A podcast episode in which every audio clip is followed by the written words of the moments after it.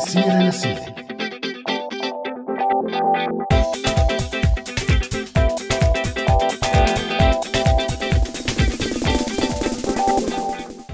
اوقاتكم سعيدة مستمعينا مستمعي راديو سوريالي. ومني تحية كبيرة لكل مين عم يسمعنا. وبحلقة اليوم كنا محتارين عن شو بدنا نحكي عن الشيء اللي عم يصير بمصر ولا عن اللجنة الدستورية بسوريا. الحقيقة اللجنة الدستورية كانت موضوع كتير مغري بس معقد بشكل كبير والحقيقة لسه في كتير غموض حول هذا الملف بالذات.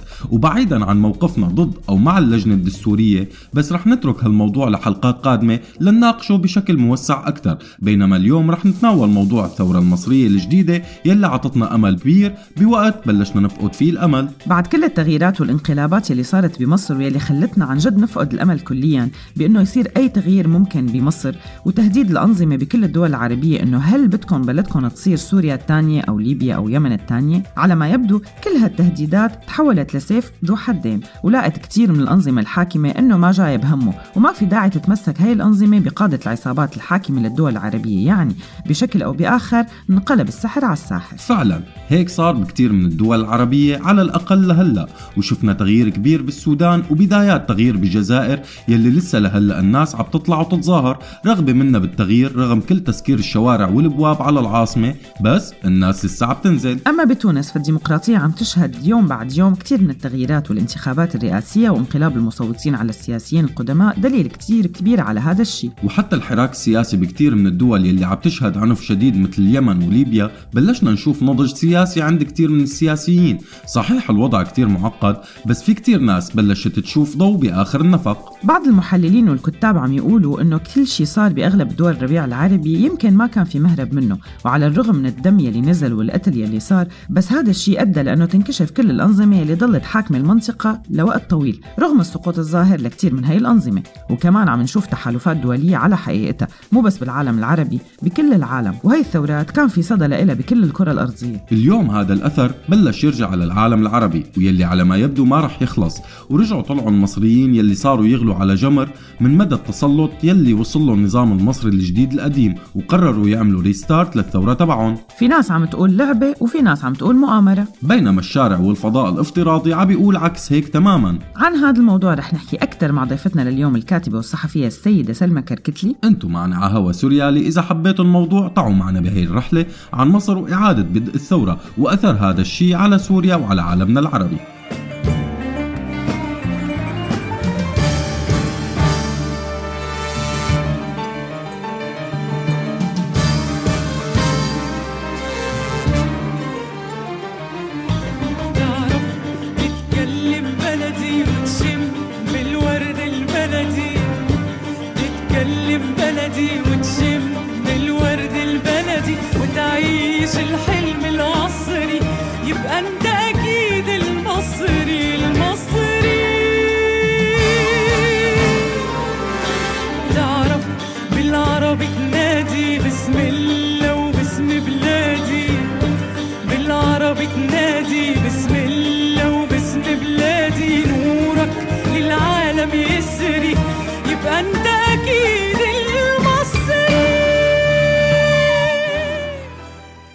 سؤال حلقتنا لليوم مستمعينا هل بتعطينا الثورة المصرية جديدة أمل من جديد ولا لا؟ وليش؟ لتجاوبوا على سؤال حلقتنا لليوم فيكم تتواصلوا معنا على صفحاتنا على مواقع التواصل الاجتماعي فيسبوك وتويتر أو من خلال رسالة صوتية أو مكتوبة على رقم واتساب 00962 7798 51210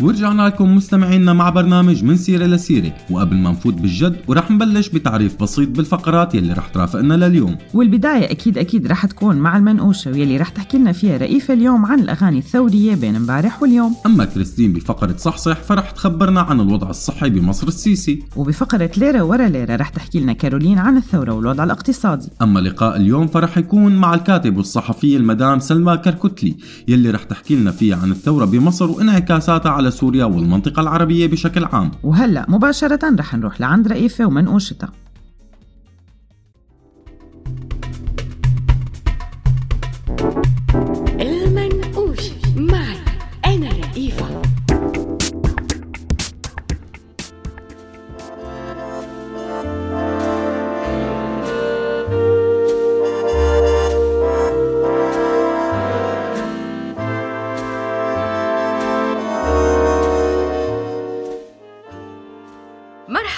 أنا رئيفة ومنقوشتي اليوم عن الأغاني الثورية يلي بترجع. الأغاني الثورية بتنكتب بأصعب الطرق وبتتلحن بأصعب الطرق. هلأ صار فينه الواحد يعمل غنية كاملة أو عمل فني متكامل من موبايله بأي مكان بالعالم.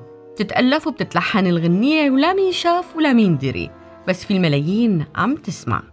لما بنسمع أغاني الشيخ إمام أو أغاني قعبور أو سميح شقير من زمان بالتسجيلات أو الحفلات. تسمعوا القوة وكسر الخوف بهي التسجيلات أو حتى الحفلات يلي تسجلت بالسرقة. ودائما كان في أغاني ثورية بكل الدول وبكل الثقافات.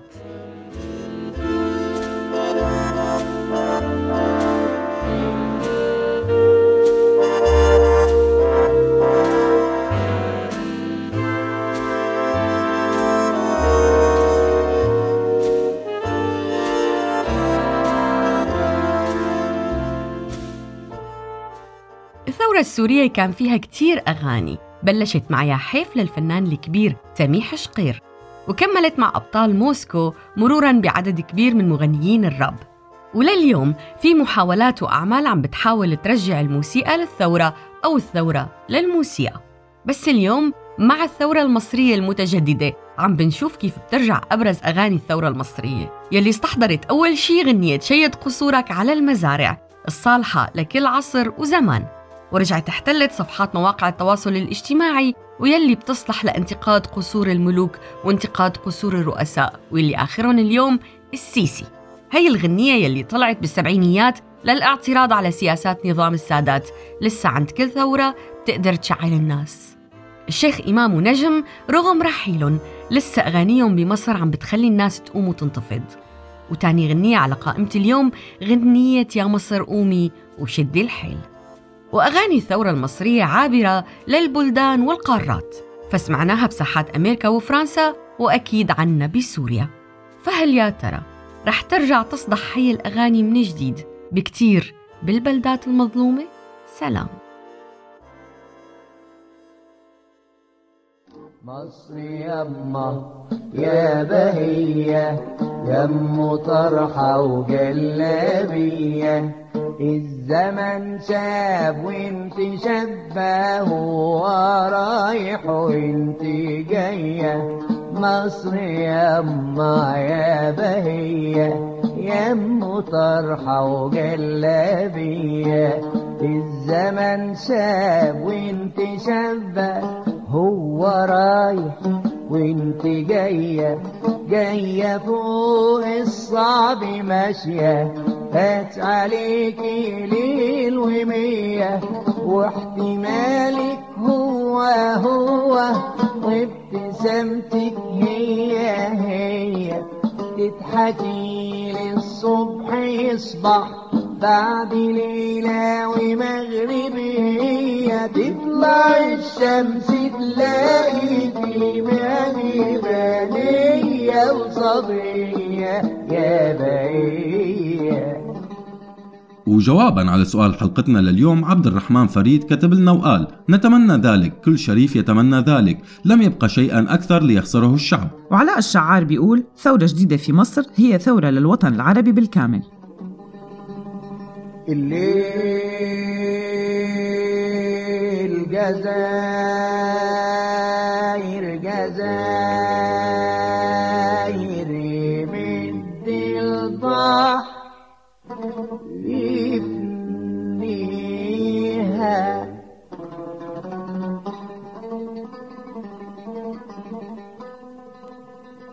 والفجر شعلة حتعلى وهم وعمر الموج ما يطويها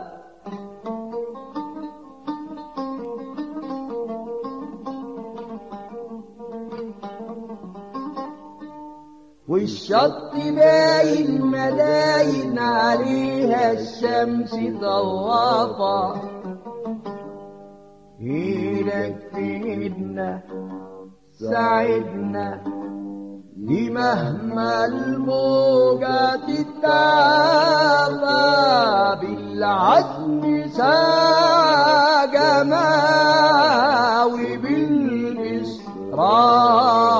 وبالإصرار نخطيها مصر يما يا سفينة مهما كان البحر عاتي ملاحينك يزعقوا للريح يواتي مصر يما يا سفينة مهما كان البحر عاتي فلاحينك ملاحينك يزعقوا للريح يواتي اللي عالدفة صنايعي واللي عالمجداب زناتي واللي الصار كاشف كل ماضي وكل آتي. اللي فوق الصار كاشف كل ماضي وكل آتي. عقدتين والتالتة تالتة تركب الموجة العافية. توصلي بر السلامة معجبانية وصبية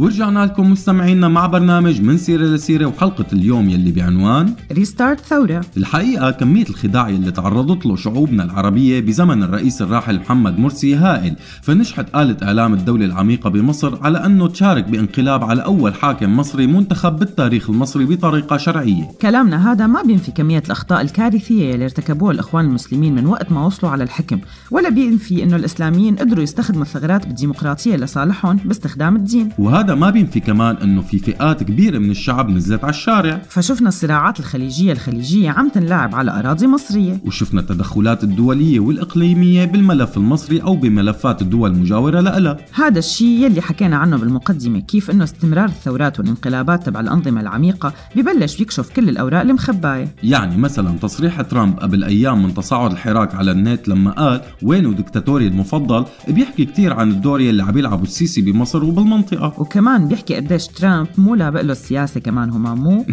خلينا بالملف المصري. انخدع العالم عن طريق الميديا تبع الدولة العميقة بأكاذيب هي الميديا وبظل هي الخديعة صارت واحدة من المجازر الكبيرة بتاريخ مصر الحديث ويلي هي مجزرة رابعة. وللأسف كتير من المثقفين المتنورين والناس يلي بيدعوا وقوفهم مع الإنسان وقفوا مع هاي المجزرة بسبب عداوتهم للإسلاميين. بالمناسبة حتى كتير من المعارضين السوريين وقفوا مع الانقلاب بلحظة من اللحظات. وبلشت حملة تطهير ضد الإخوان المسلمين بكل الأماكن والإدارات واعتقالات طالت كل مين ممكن يوقف ضد النظام الجديد بقيادة ضابط كان مجهول لوقت طويل وعينه الرئيس السابق محمد مرسي وزير للدفاع. هذا الضابط الجديد كان نتاج للنظام السابق والتحالفات العربية والغربية. وكعادة الدكتاتوريين العسكريين بالمنطقة العربية انحط رئيس شكلي وهو عدلي منصور لبين ما يحضر السيسي الكرسي تبعه. وما وقفت الحملة الإعلامية المنظمة تبع السيسي مع الصحفيين تبع السلطان والمشايخ وبالأخص التيار السلفي يلي صف جنبا إلى جنب مع السيسي. بهذا الوقت بلش الإعلام المصري بمختلف أشكاله يركز على الملف السوري أو الملف الليبي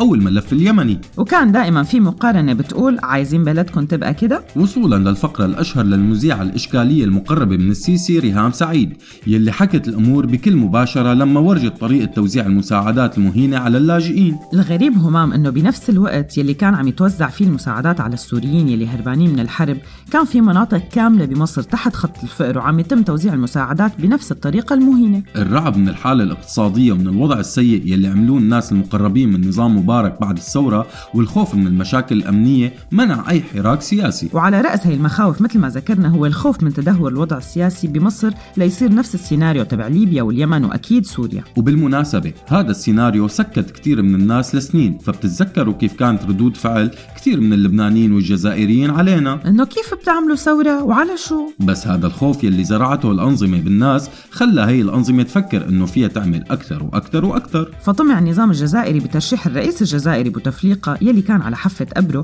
لدورة رئاسية جديدة بالوقت يلي وصلت فيه نسب البطالة لأرقام كبيرة ومعاناة بالوضع الاقتصادي. أما الرئيس السوداني المشهور بالفساد والرشوة والمتهم بقضايا عديدة ضد الإنسانية قام برفع سعر الخبز بالوقت يلي ضربت أرقام التضخم بالسودان حاجز 70% وصار الحراك بهدول البلدين ورغم المحاولات الضغط الهائلة يلي تمت على هدول البلدين من قبل دول تانية وقوى سياسية محلية وإقليمية الشعب ضل مصر على التغيير الكلي والشامل. ولحد هي اللحظة السيناريو بالسودان ماشي وفقا لإرادة الشعب. والجزائريين أسبوع بعد أسبوع عم ينزلوا على الشوارع بأيام الجمعة وعم يتم محاكمة كتير من المسؤولين الفاسدين. بس هالمرة الشعب بده الكل. كلهم يعني كلهم. وبنفس الوقت صارت الشعوب بهي المنطقة تراقب التغيير يلي عم يصير بأول بلد عربي بلش سلسلة الانتفاضات والثورات بالربيع العربي واللي هو تونس. بالوقت يلي فكر الكل إنه النظام القديم عمل عمليات تجميل وعم يرجعوا يتمدد شوي شوي لاقوا إنه التوانسة ثاروا بالصناديق. وما ثاروا بس على النظام القديم ولا المعارضة الكلاسيكية والإسلاميين. لا ثاروا على كل شيء وقدموا مرشحين من خارج الدائرة بشكل أو بآخر. وبلش من أول وجديد سيناريو جديد بالمنطقة بنتمنى تكتب الشعوب. على كل حال همام طولنا شوي بهي الفقره وصار لازم نروح لفقرتنا الجاية واللي هي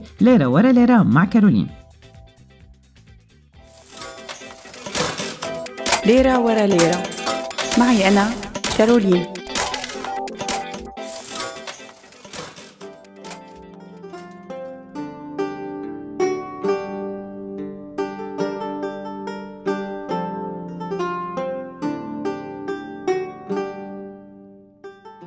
مرحبا معي أنا كارولين.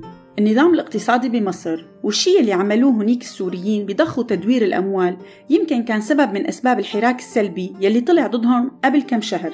في كتير دراسات عم بتقول إنه العامل الاقتصادي كان سبب رئيسي ورا هي المحاولات فالسوريين كانوا عكس العراقيين حسب هي الدراسات.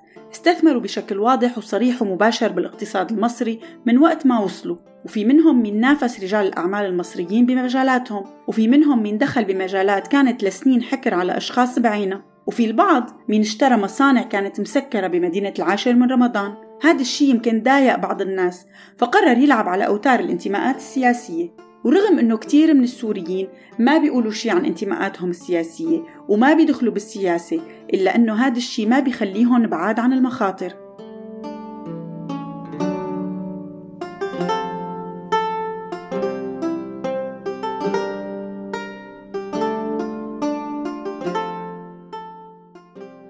فمثل ما عمل من فترة القيادي السابق بجماعة الجهاد وواحد من مؤسسيها نبيل نعيم لما كتب على صفحته على فيسبوك بأنه النشاط الاقتصادي للسوريين بمصر جاي من التنظيم الدولي للإخوان وغسل الأموال وهذا الشيء اللي صب النار على الزيت فبعد شوي أخذ الخبر المحامي المثير للجدل سمير صبري وتقدم بمذكرة للقضاء المصري بيطالبوا بحصر أموال السوريين المستثمرين والعاملين بمصر اليوم الحراك بمصر عم بيتجدد فشو رح يكون مصير السوريين؟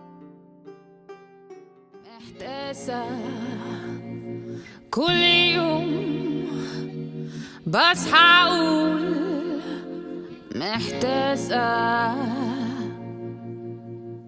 أجيب فلوس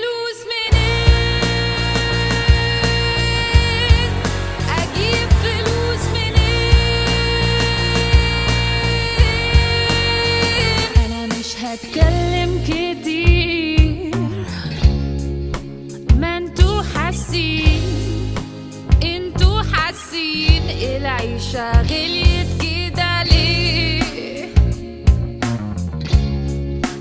طب اعمل إيه طب اعمل إيه أجيب فلوس منين؟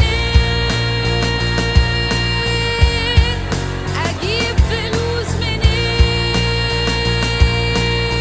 منين؟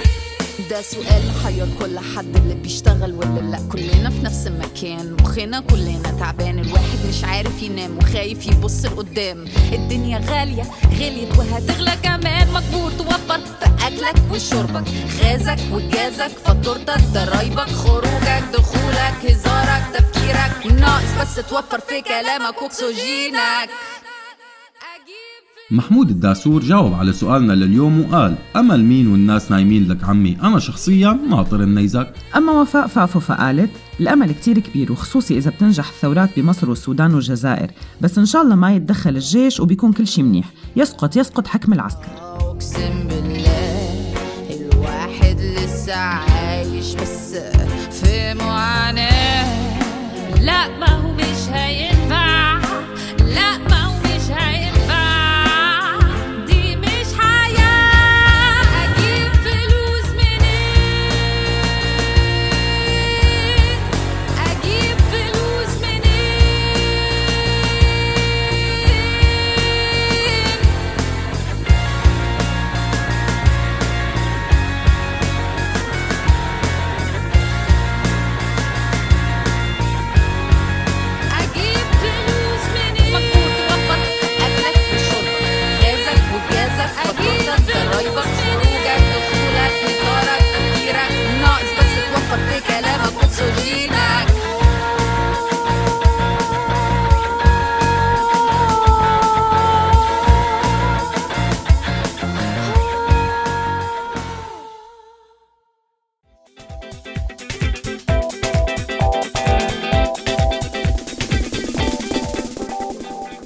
ورجعنا لكم مستمعينا مع القسم الثاني من برنامج من سيرة لسيرة. حكينا بالقسم الأول كيف إنه الشعوب ما عاد ينطلي عليها التخويف بالبعبع السيناريو السوري بعد ما شافوا التغيير بتونس والجزائر والسودان. فحتى بالعراق وبنفس الفترة يلي كانت فيها مشاكل شغالة ضد داعش انتفضت كتير من الفئات العراقية وفي إشارات كتير بتقول إنه لسه في حراك شعبي قادم. المهم خلينا همان بمصر اليوم. الوضع الاقتصادي بمصر مستمر بنزول والمحاولات التجميلية اللي كان عم يحاول النظام القديم الجديد مع كل الأشخاص المتحالفين معه ما قدرت تخدع الناس والخوف ضل على الصدور. وفجأة كانت القنبلة يلي فجرها شخص مجهول معروف معروف لأنه ممثل ومجهول لأنه طبيعة عمله الثانية كمقاول بيشتغل مع الجيش ما كانت كتير معروفة. محمد علي طلع ببث على الإنترنت مع باكيت دخان وبلش يفضح الفساد الموجود عند السيسي وبعض القيادات العالية فيه. وطبعا ما لازم ننسى إنه السيسي بمحاولته لتجميل الوضع الاقتصادي عطى كتير من المقاولات وكتير من المهام بمصر للجيش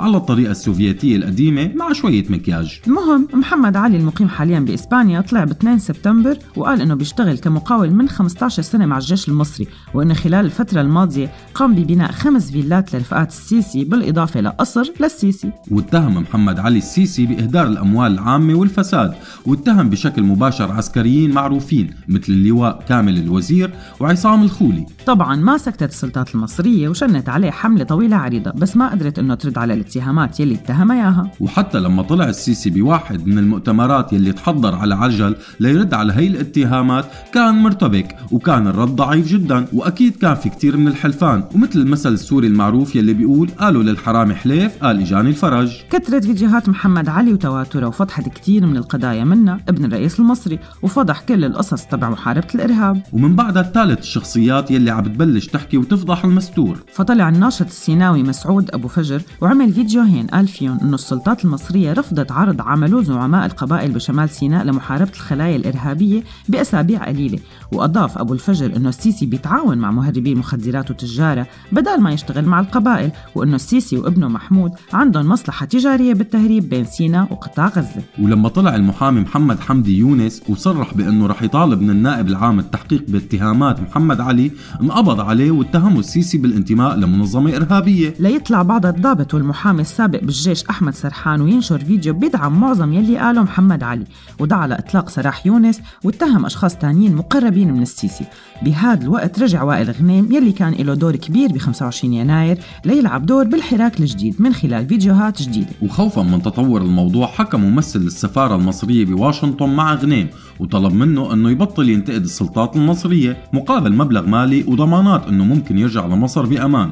بس غنيم رفض وبعد كم يوم قبضوا على أخوه بالقاهرة كنوع من الانتقام منه. تحول محمد علي لشخصية شعبية وبلشت هاشتاجاته تنتشر بشكل كبير وصولا لدعوته لوقفة احتجاجية بالشوارع بعد واحدة من المباريات بمصر. وبعد نجاح أول حراك بلشت المسبحة تكر. قمع النظام المصري التحركات بس في كتير من المدن قدرت تطلع وتعبر عن رأيها. عدد كبير من الاعتقالات عملها النظام السيسي. وعلى طريقة النظام السوري طالع النظام المصري مجموعة من الفنانين والرياضيين ليدافعوا عنه ويطالبوا بالتهدئة. بس السؤال هلأ هل من الممكن بعد كل هي الفضايح توقف كرة الثلج الشعبية؟ هذا السؤال يلي رح تجاوب عليه الأيام همام بس الأكيد إنه يلي رح يخبرنا عن الوضع الصحي بمصر هي كريستين بفقرتنا الجاية. صحصح فخليكم معنا.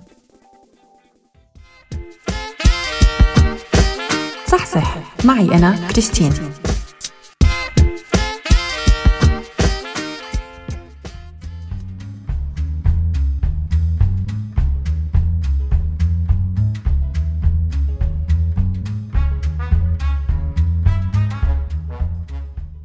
مرحبا. أسباب كتيرة أدت لتحرك الشارع المصري من جديد ويمكن على رأس هي الأسباب هو الوضع الصحي بمصر.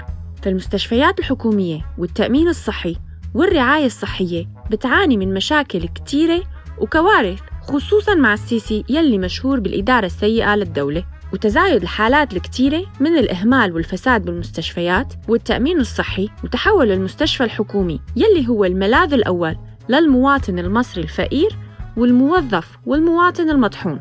فصارت المستشفيات الحكومية بمعظمها تحتاج لدعم كبير وضروري بكل شيء بدءا من الأطباء الأكفاء والممرضين ورعاية صحية شاملة ومتكاملة. حتى دورات المياه غير صالحة للاستخدام الآدمي.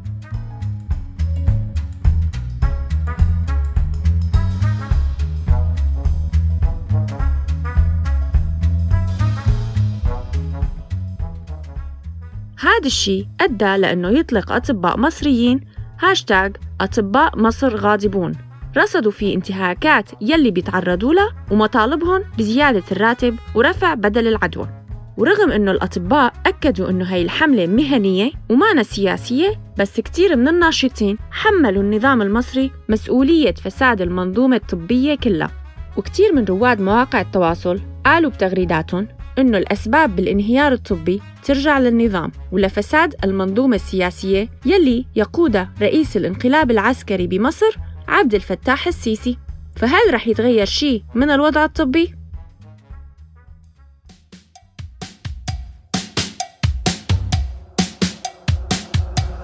أنا بعتذرلك عن سكوتي وقت ما تحبي الكلام وإن عندي تشيروفوبيا ونقص حد في الاهتمام. وإني دخلتك معادلة. ليها أكتر من نهاية. وإني محتاجك بعيدة.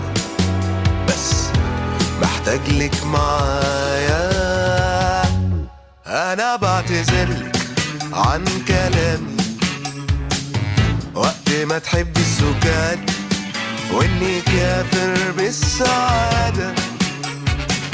وإني مؤمن بالعياط. وإني بطلت السجاير. يوم يومين ورجعت تاني. وإني عايزك تبقي ليا. بس مش عايزك تعاني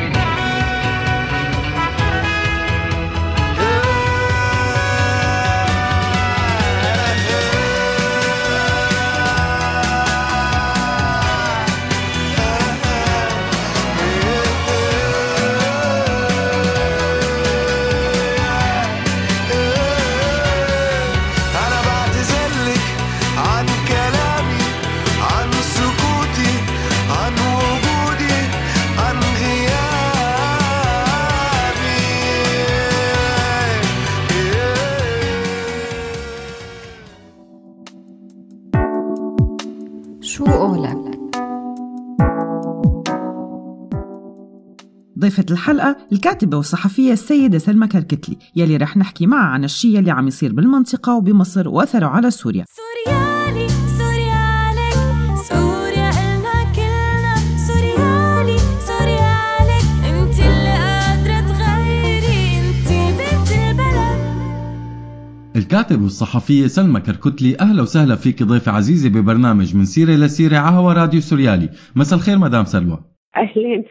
أهلين فيكي. أهلين آه، بداية مدام سلمى آه، اشتغلت الأنظمة العربية بعد الربيع العربي على تخويف الشعوب من الشيء اللي صار بسوريا وليبيا واليمن. بس هلأ طلعت أمثلة تانية مثل الجزائر والسودان ومجددا مصر.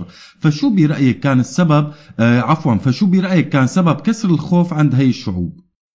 هلأ ما بعرف يا ترى هي كانت خايفة ولا كانت عم تتهيأ لظرف مناسب؟ أنا تقديري إنه الموضوع ما له علاقة تماما بالخوف له علاقة باكتمال ال- الظرف اللي اللي بيساعد الشعوب لحتى آه، تحتج. يعني مثلا آه، إعادة انتخاب محاولة إعادة انتخاب بوتفليقة وهو آه، نص ميت هذا الشيء لحاله هو اللي كسر حاجز الصمت مو الخوف تقريبا. فخلاهم يحتجوا.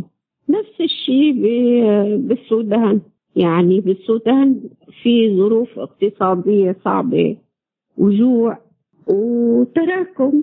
الضرورة للناس لل- للش للشعب يحتج. زائد المرحلة ال- ال- الظرفية. يعني اللي ساعدت هاي الشعوب بأنه آه، دول العالم ملتية بقضايا أخرى فما تدخلوا القوى الكبيرة يعني. تقريبا ما تدخلوا لحتى يساعدوا ال- الأنظمة القائمة لحتى تقمع دول العالم. والجزائر الجزائر في آه، الموضوع يعني عم ياخذ ويعطي. آه، لكن مع ذلك في خوف من إنه يرجع الحكم العسكري يقمع الناس وتستمر تصير ثورة بحقه حقيقه طب مدام سلمى هل برأيك الشيء اللي عم يصير بمصر ممكن يكون له ارتدادات على المنطقة سواء نجح هذا التحرك أم لا؟ هلأ هي الارتدادات مو من مصر هي ال- الحالة عند الشعب العربي كله اذا إذا صح التعبير هلأ صار في احتجاج يعني صار في تفرقة بين الشعوب لدرجة إنه ما عاد يسترجي الواحد يقول شعب عربي. بس آه، شعوب المنطقة كلها في حالة مشتركة فيها واللي هي ال- الظروف الاقتصادية الضاغطة على كل هي الشعوب والكل جوعان. والجوع بمصر يعني حالة تراكمية. فبتخيل كله عم يأثر عم يتأثر من من ببعضه ومصر أكيد إذا نجحوا مرة أخرى كل القوى اللي اللي هلأ عم تتحرك فأكيد لهم تأثير كثير إيجابي على الآخرين. طيب مدام سلمى جملت الأنظمة المقربة من الاشتراكية كثير من الثورات التاريخية مثل الثورة الفرنسية أو الثورات الشيوعية مثلا. بس هي الرومانسية اللي رسمتها الأنظمة عن هي الثورات كانت أبعد ما يكون عن الحقيقة. هلأ الغريب أنه في كثير من المثقفين وقعوا بهذا الفخ وعم يستغربوا اليوم نتائج الثورات العربية. فهل هدول المثقفين ما كانوا قريانين التاريخ مزبوط مثلا؟ ما بعرف أنا حاسة يعني ما بوافق على السؤال من من أساسه. يعني آه، رأيي اولا الثورات بتصير لأنه بتجي نتيجة حاجة للتغيير حاجة اقتصادية واجتماعية بتطال كل القوانين السائده والظروف ال- القائمة وبتخلي ال- الشعوب تفقد السيطرة على نفسها وتهاجم السلطة القائمة. فالثورات ما بيخترعها المثقفين ولا بيخترع تخترع الأنظمة ولا جملتها الثورة الاشتراك يعني الاشتراكيين. يعني هي الاشتراكية أو الشيوعية أو ال- اللي صار بروسيا هو بحد ذاته ثورة. لكن بعدين كيف تم توظيفها؟ كيف كيف طلعت؟ آه، آه، تحولت ل- لظرف من القمع هذا شيء ثاني الثورات موجودة الثورات بتجي وبتصير نتيجة حاجة تاريخية تفرض حالها. آه، لحتى تطلع قوى جديدة على آه، تحكم بمنطقة ما. طب هل برأيك دخول الإسلاميين للحراك بمصر هو أمر بديهي أم أنه ممكن بلحظة من اللحظات يختاروا فعلا الإسلاميين البلد على مصالحهم الشخصية؟ يعني الإسلاميين هن ناس من الشعب ولا لا إذا صار في ديمقراطية وصناديق اقتراع والناس آه، آه، تصارعت بالصناديق نقدر وقت نقول إسلاميين وغير إسلاميين ولا بنشوف ال- الشعب بصورة ال- القوى الأكثر فيه هي اللي عم توصل للحكم. يعني أنا رأيي إنه نحن عم ندخل ببروباغندا ضد ضد الإسلام. وعم نسوق أفكار فيها شيء هيك جامد. يعني ما بعرف الشعب العربي ال- كله آه، بمجمله آه، شعب يعني عنده آه، ميول للدين. طب شو بنعمل؟ بنسحقه كله يعني بحجة انه اسلام ال- المسألة اولا واخرا أنا رأيي مرتبطة بلقمة البشر مرتبطة بإمكانيات المجتمع لأنه إيه، يلبي متطلبات كل كل الشعب بالاقتصاد بالزراعة بال بعدم وجود فساد. الحقيقة هي هي الأفكار مرتبطة بنفس الوقت بسلطات حاكمة فاسدة. هي عم توجه الإعلام مثل ما بدها وتقول إنه آه، الخطر هو الإسلام. حياته الإسلام أنا برأيي سابقا ولاحقا ما حيكون هو آه، هو الخطر.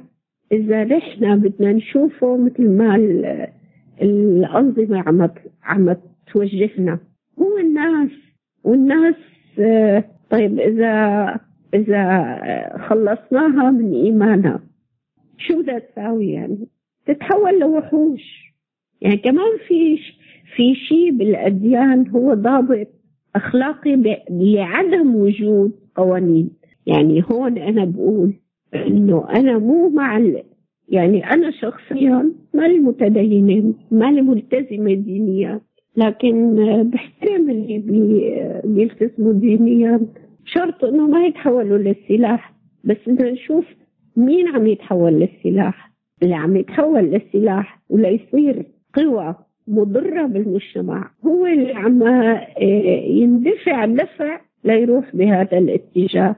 فالموضوع برأيي أنا أنه كل ما آه، مشينا باتجاه الديمقراطية والحوار وفتح المجال أمام الشعب يقول كلمته كل ما نحن نبعد عن الخطر اللي بيقولوا عنه مرتبط بالإسلام.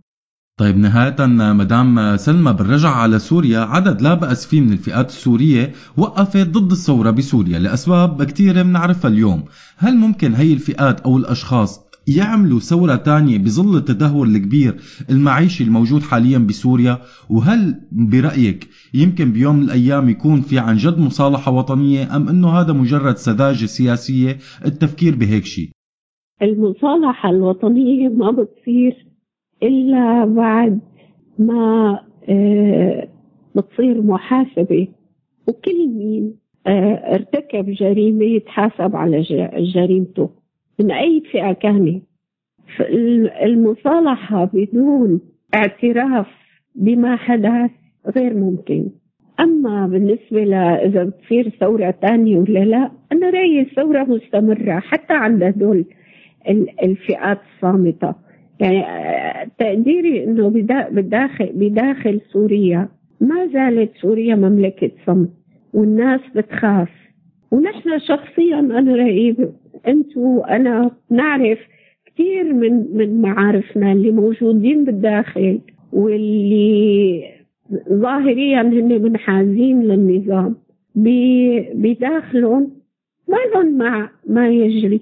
فبتصور إنه خلي يمكن هذا الشيء بخلينا شوي نتفائل الصورة ممكن ما تكون قاتمة كتير ولو إنه تبدو هلأ كتير مسكرة بس بتخيل إنه الجوع والحاجة والظروف الاقتصادية الصعبة اللي عم يعيشوها العالم كلها آه، بتهيئ الظروف ليصير شيء.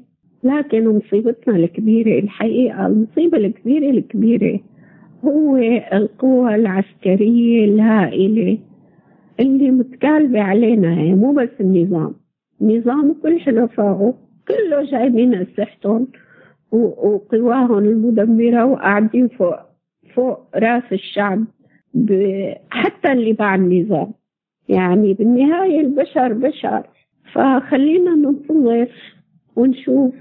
أكيد بده يصير شيء. يعني لصالح ال- البشر لصالح الإنسان. هيك القوانين بتقول إنه الإنسان لازم ينتصر بمفاهيمه مو بأسلحته. إن شاء الله يصير خير. إن شاء الله خير عن جد مدام سلمى. نهاية مدام سلمى شكرا كتير إلك وشكرا لوقتك ويعطيك ألف عافية. شكرا لكم حبيبي أهلين. شكرا. كثير يا هلا. بتونس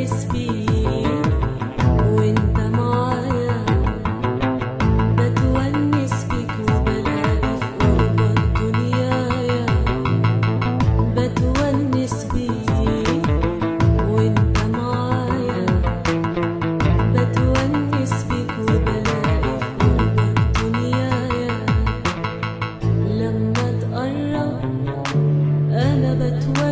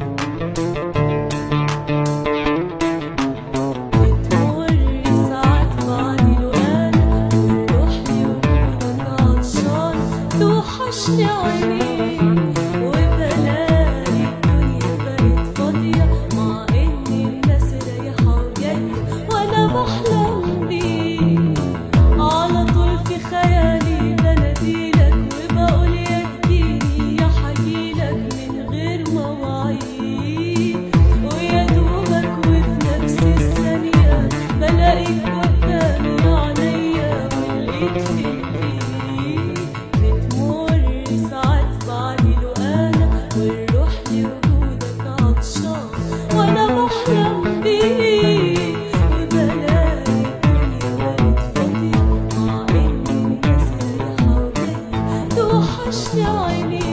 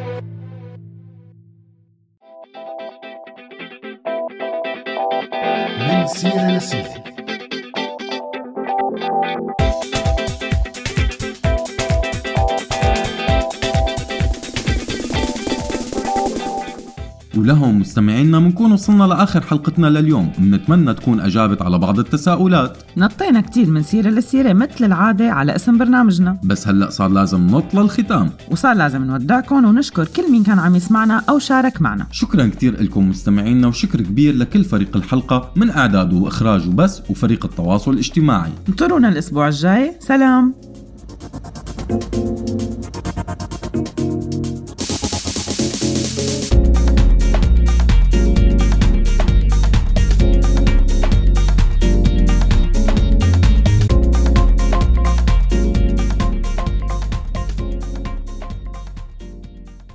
هذا البرنامج من إنتاج راديو سوريالي 2019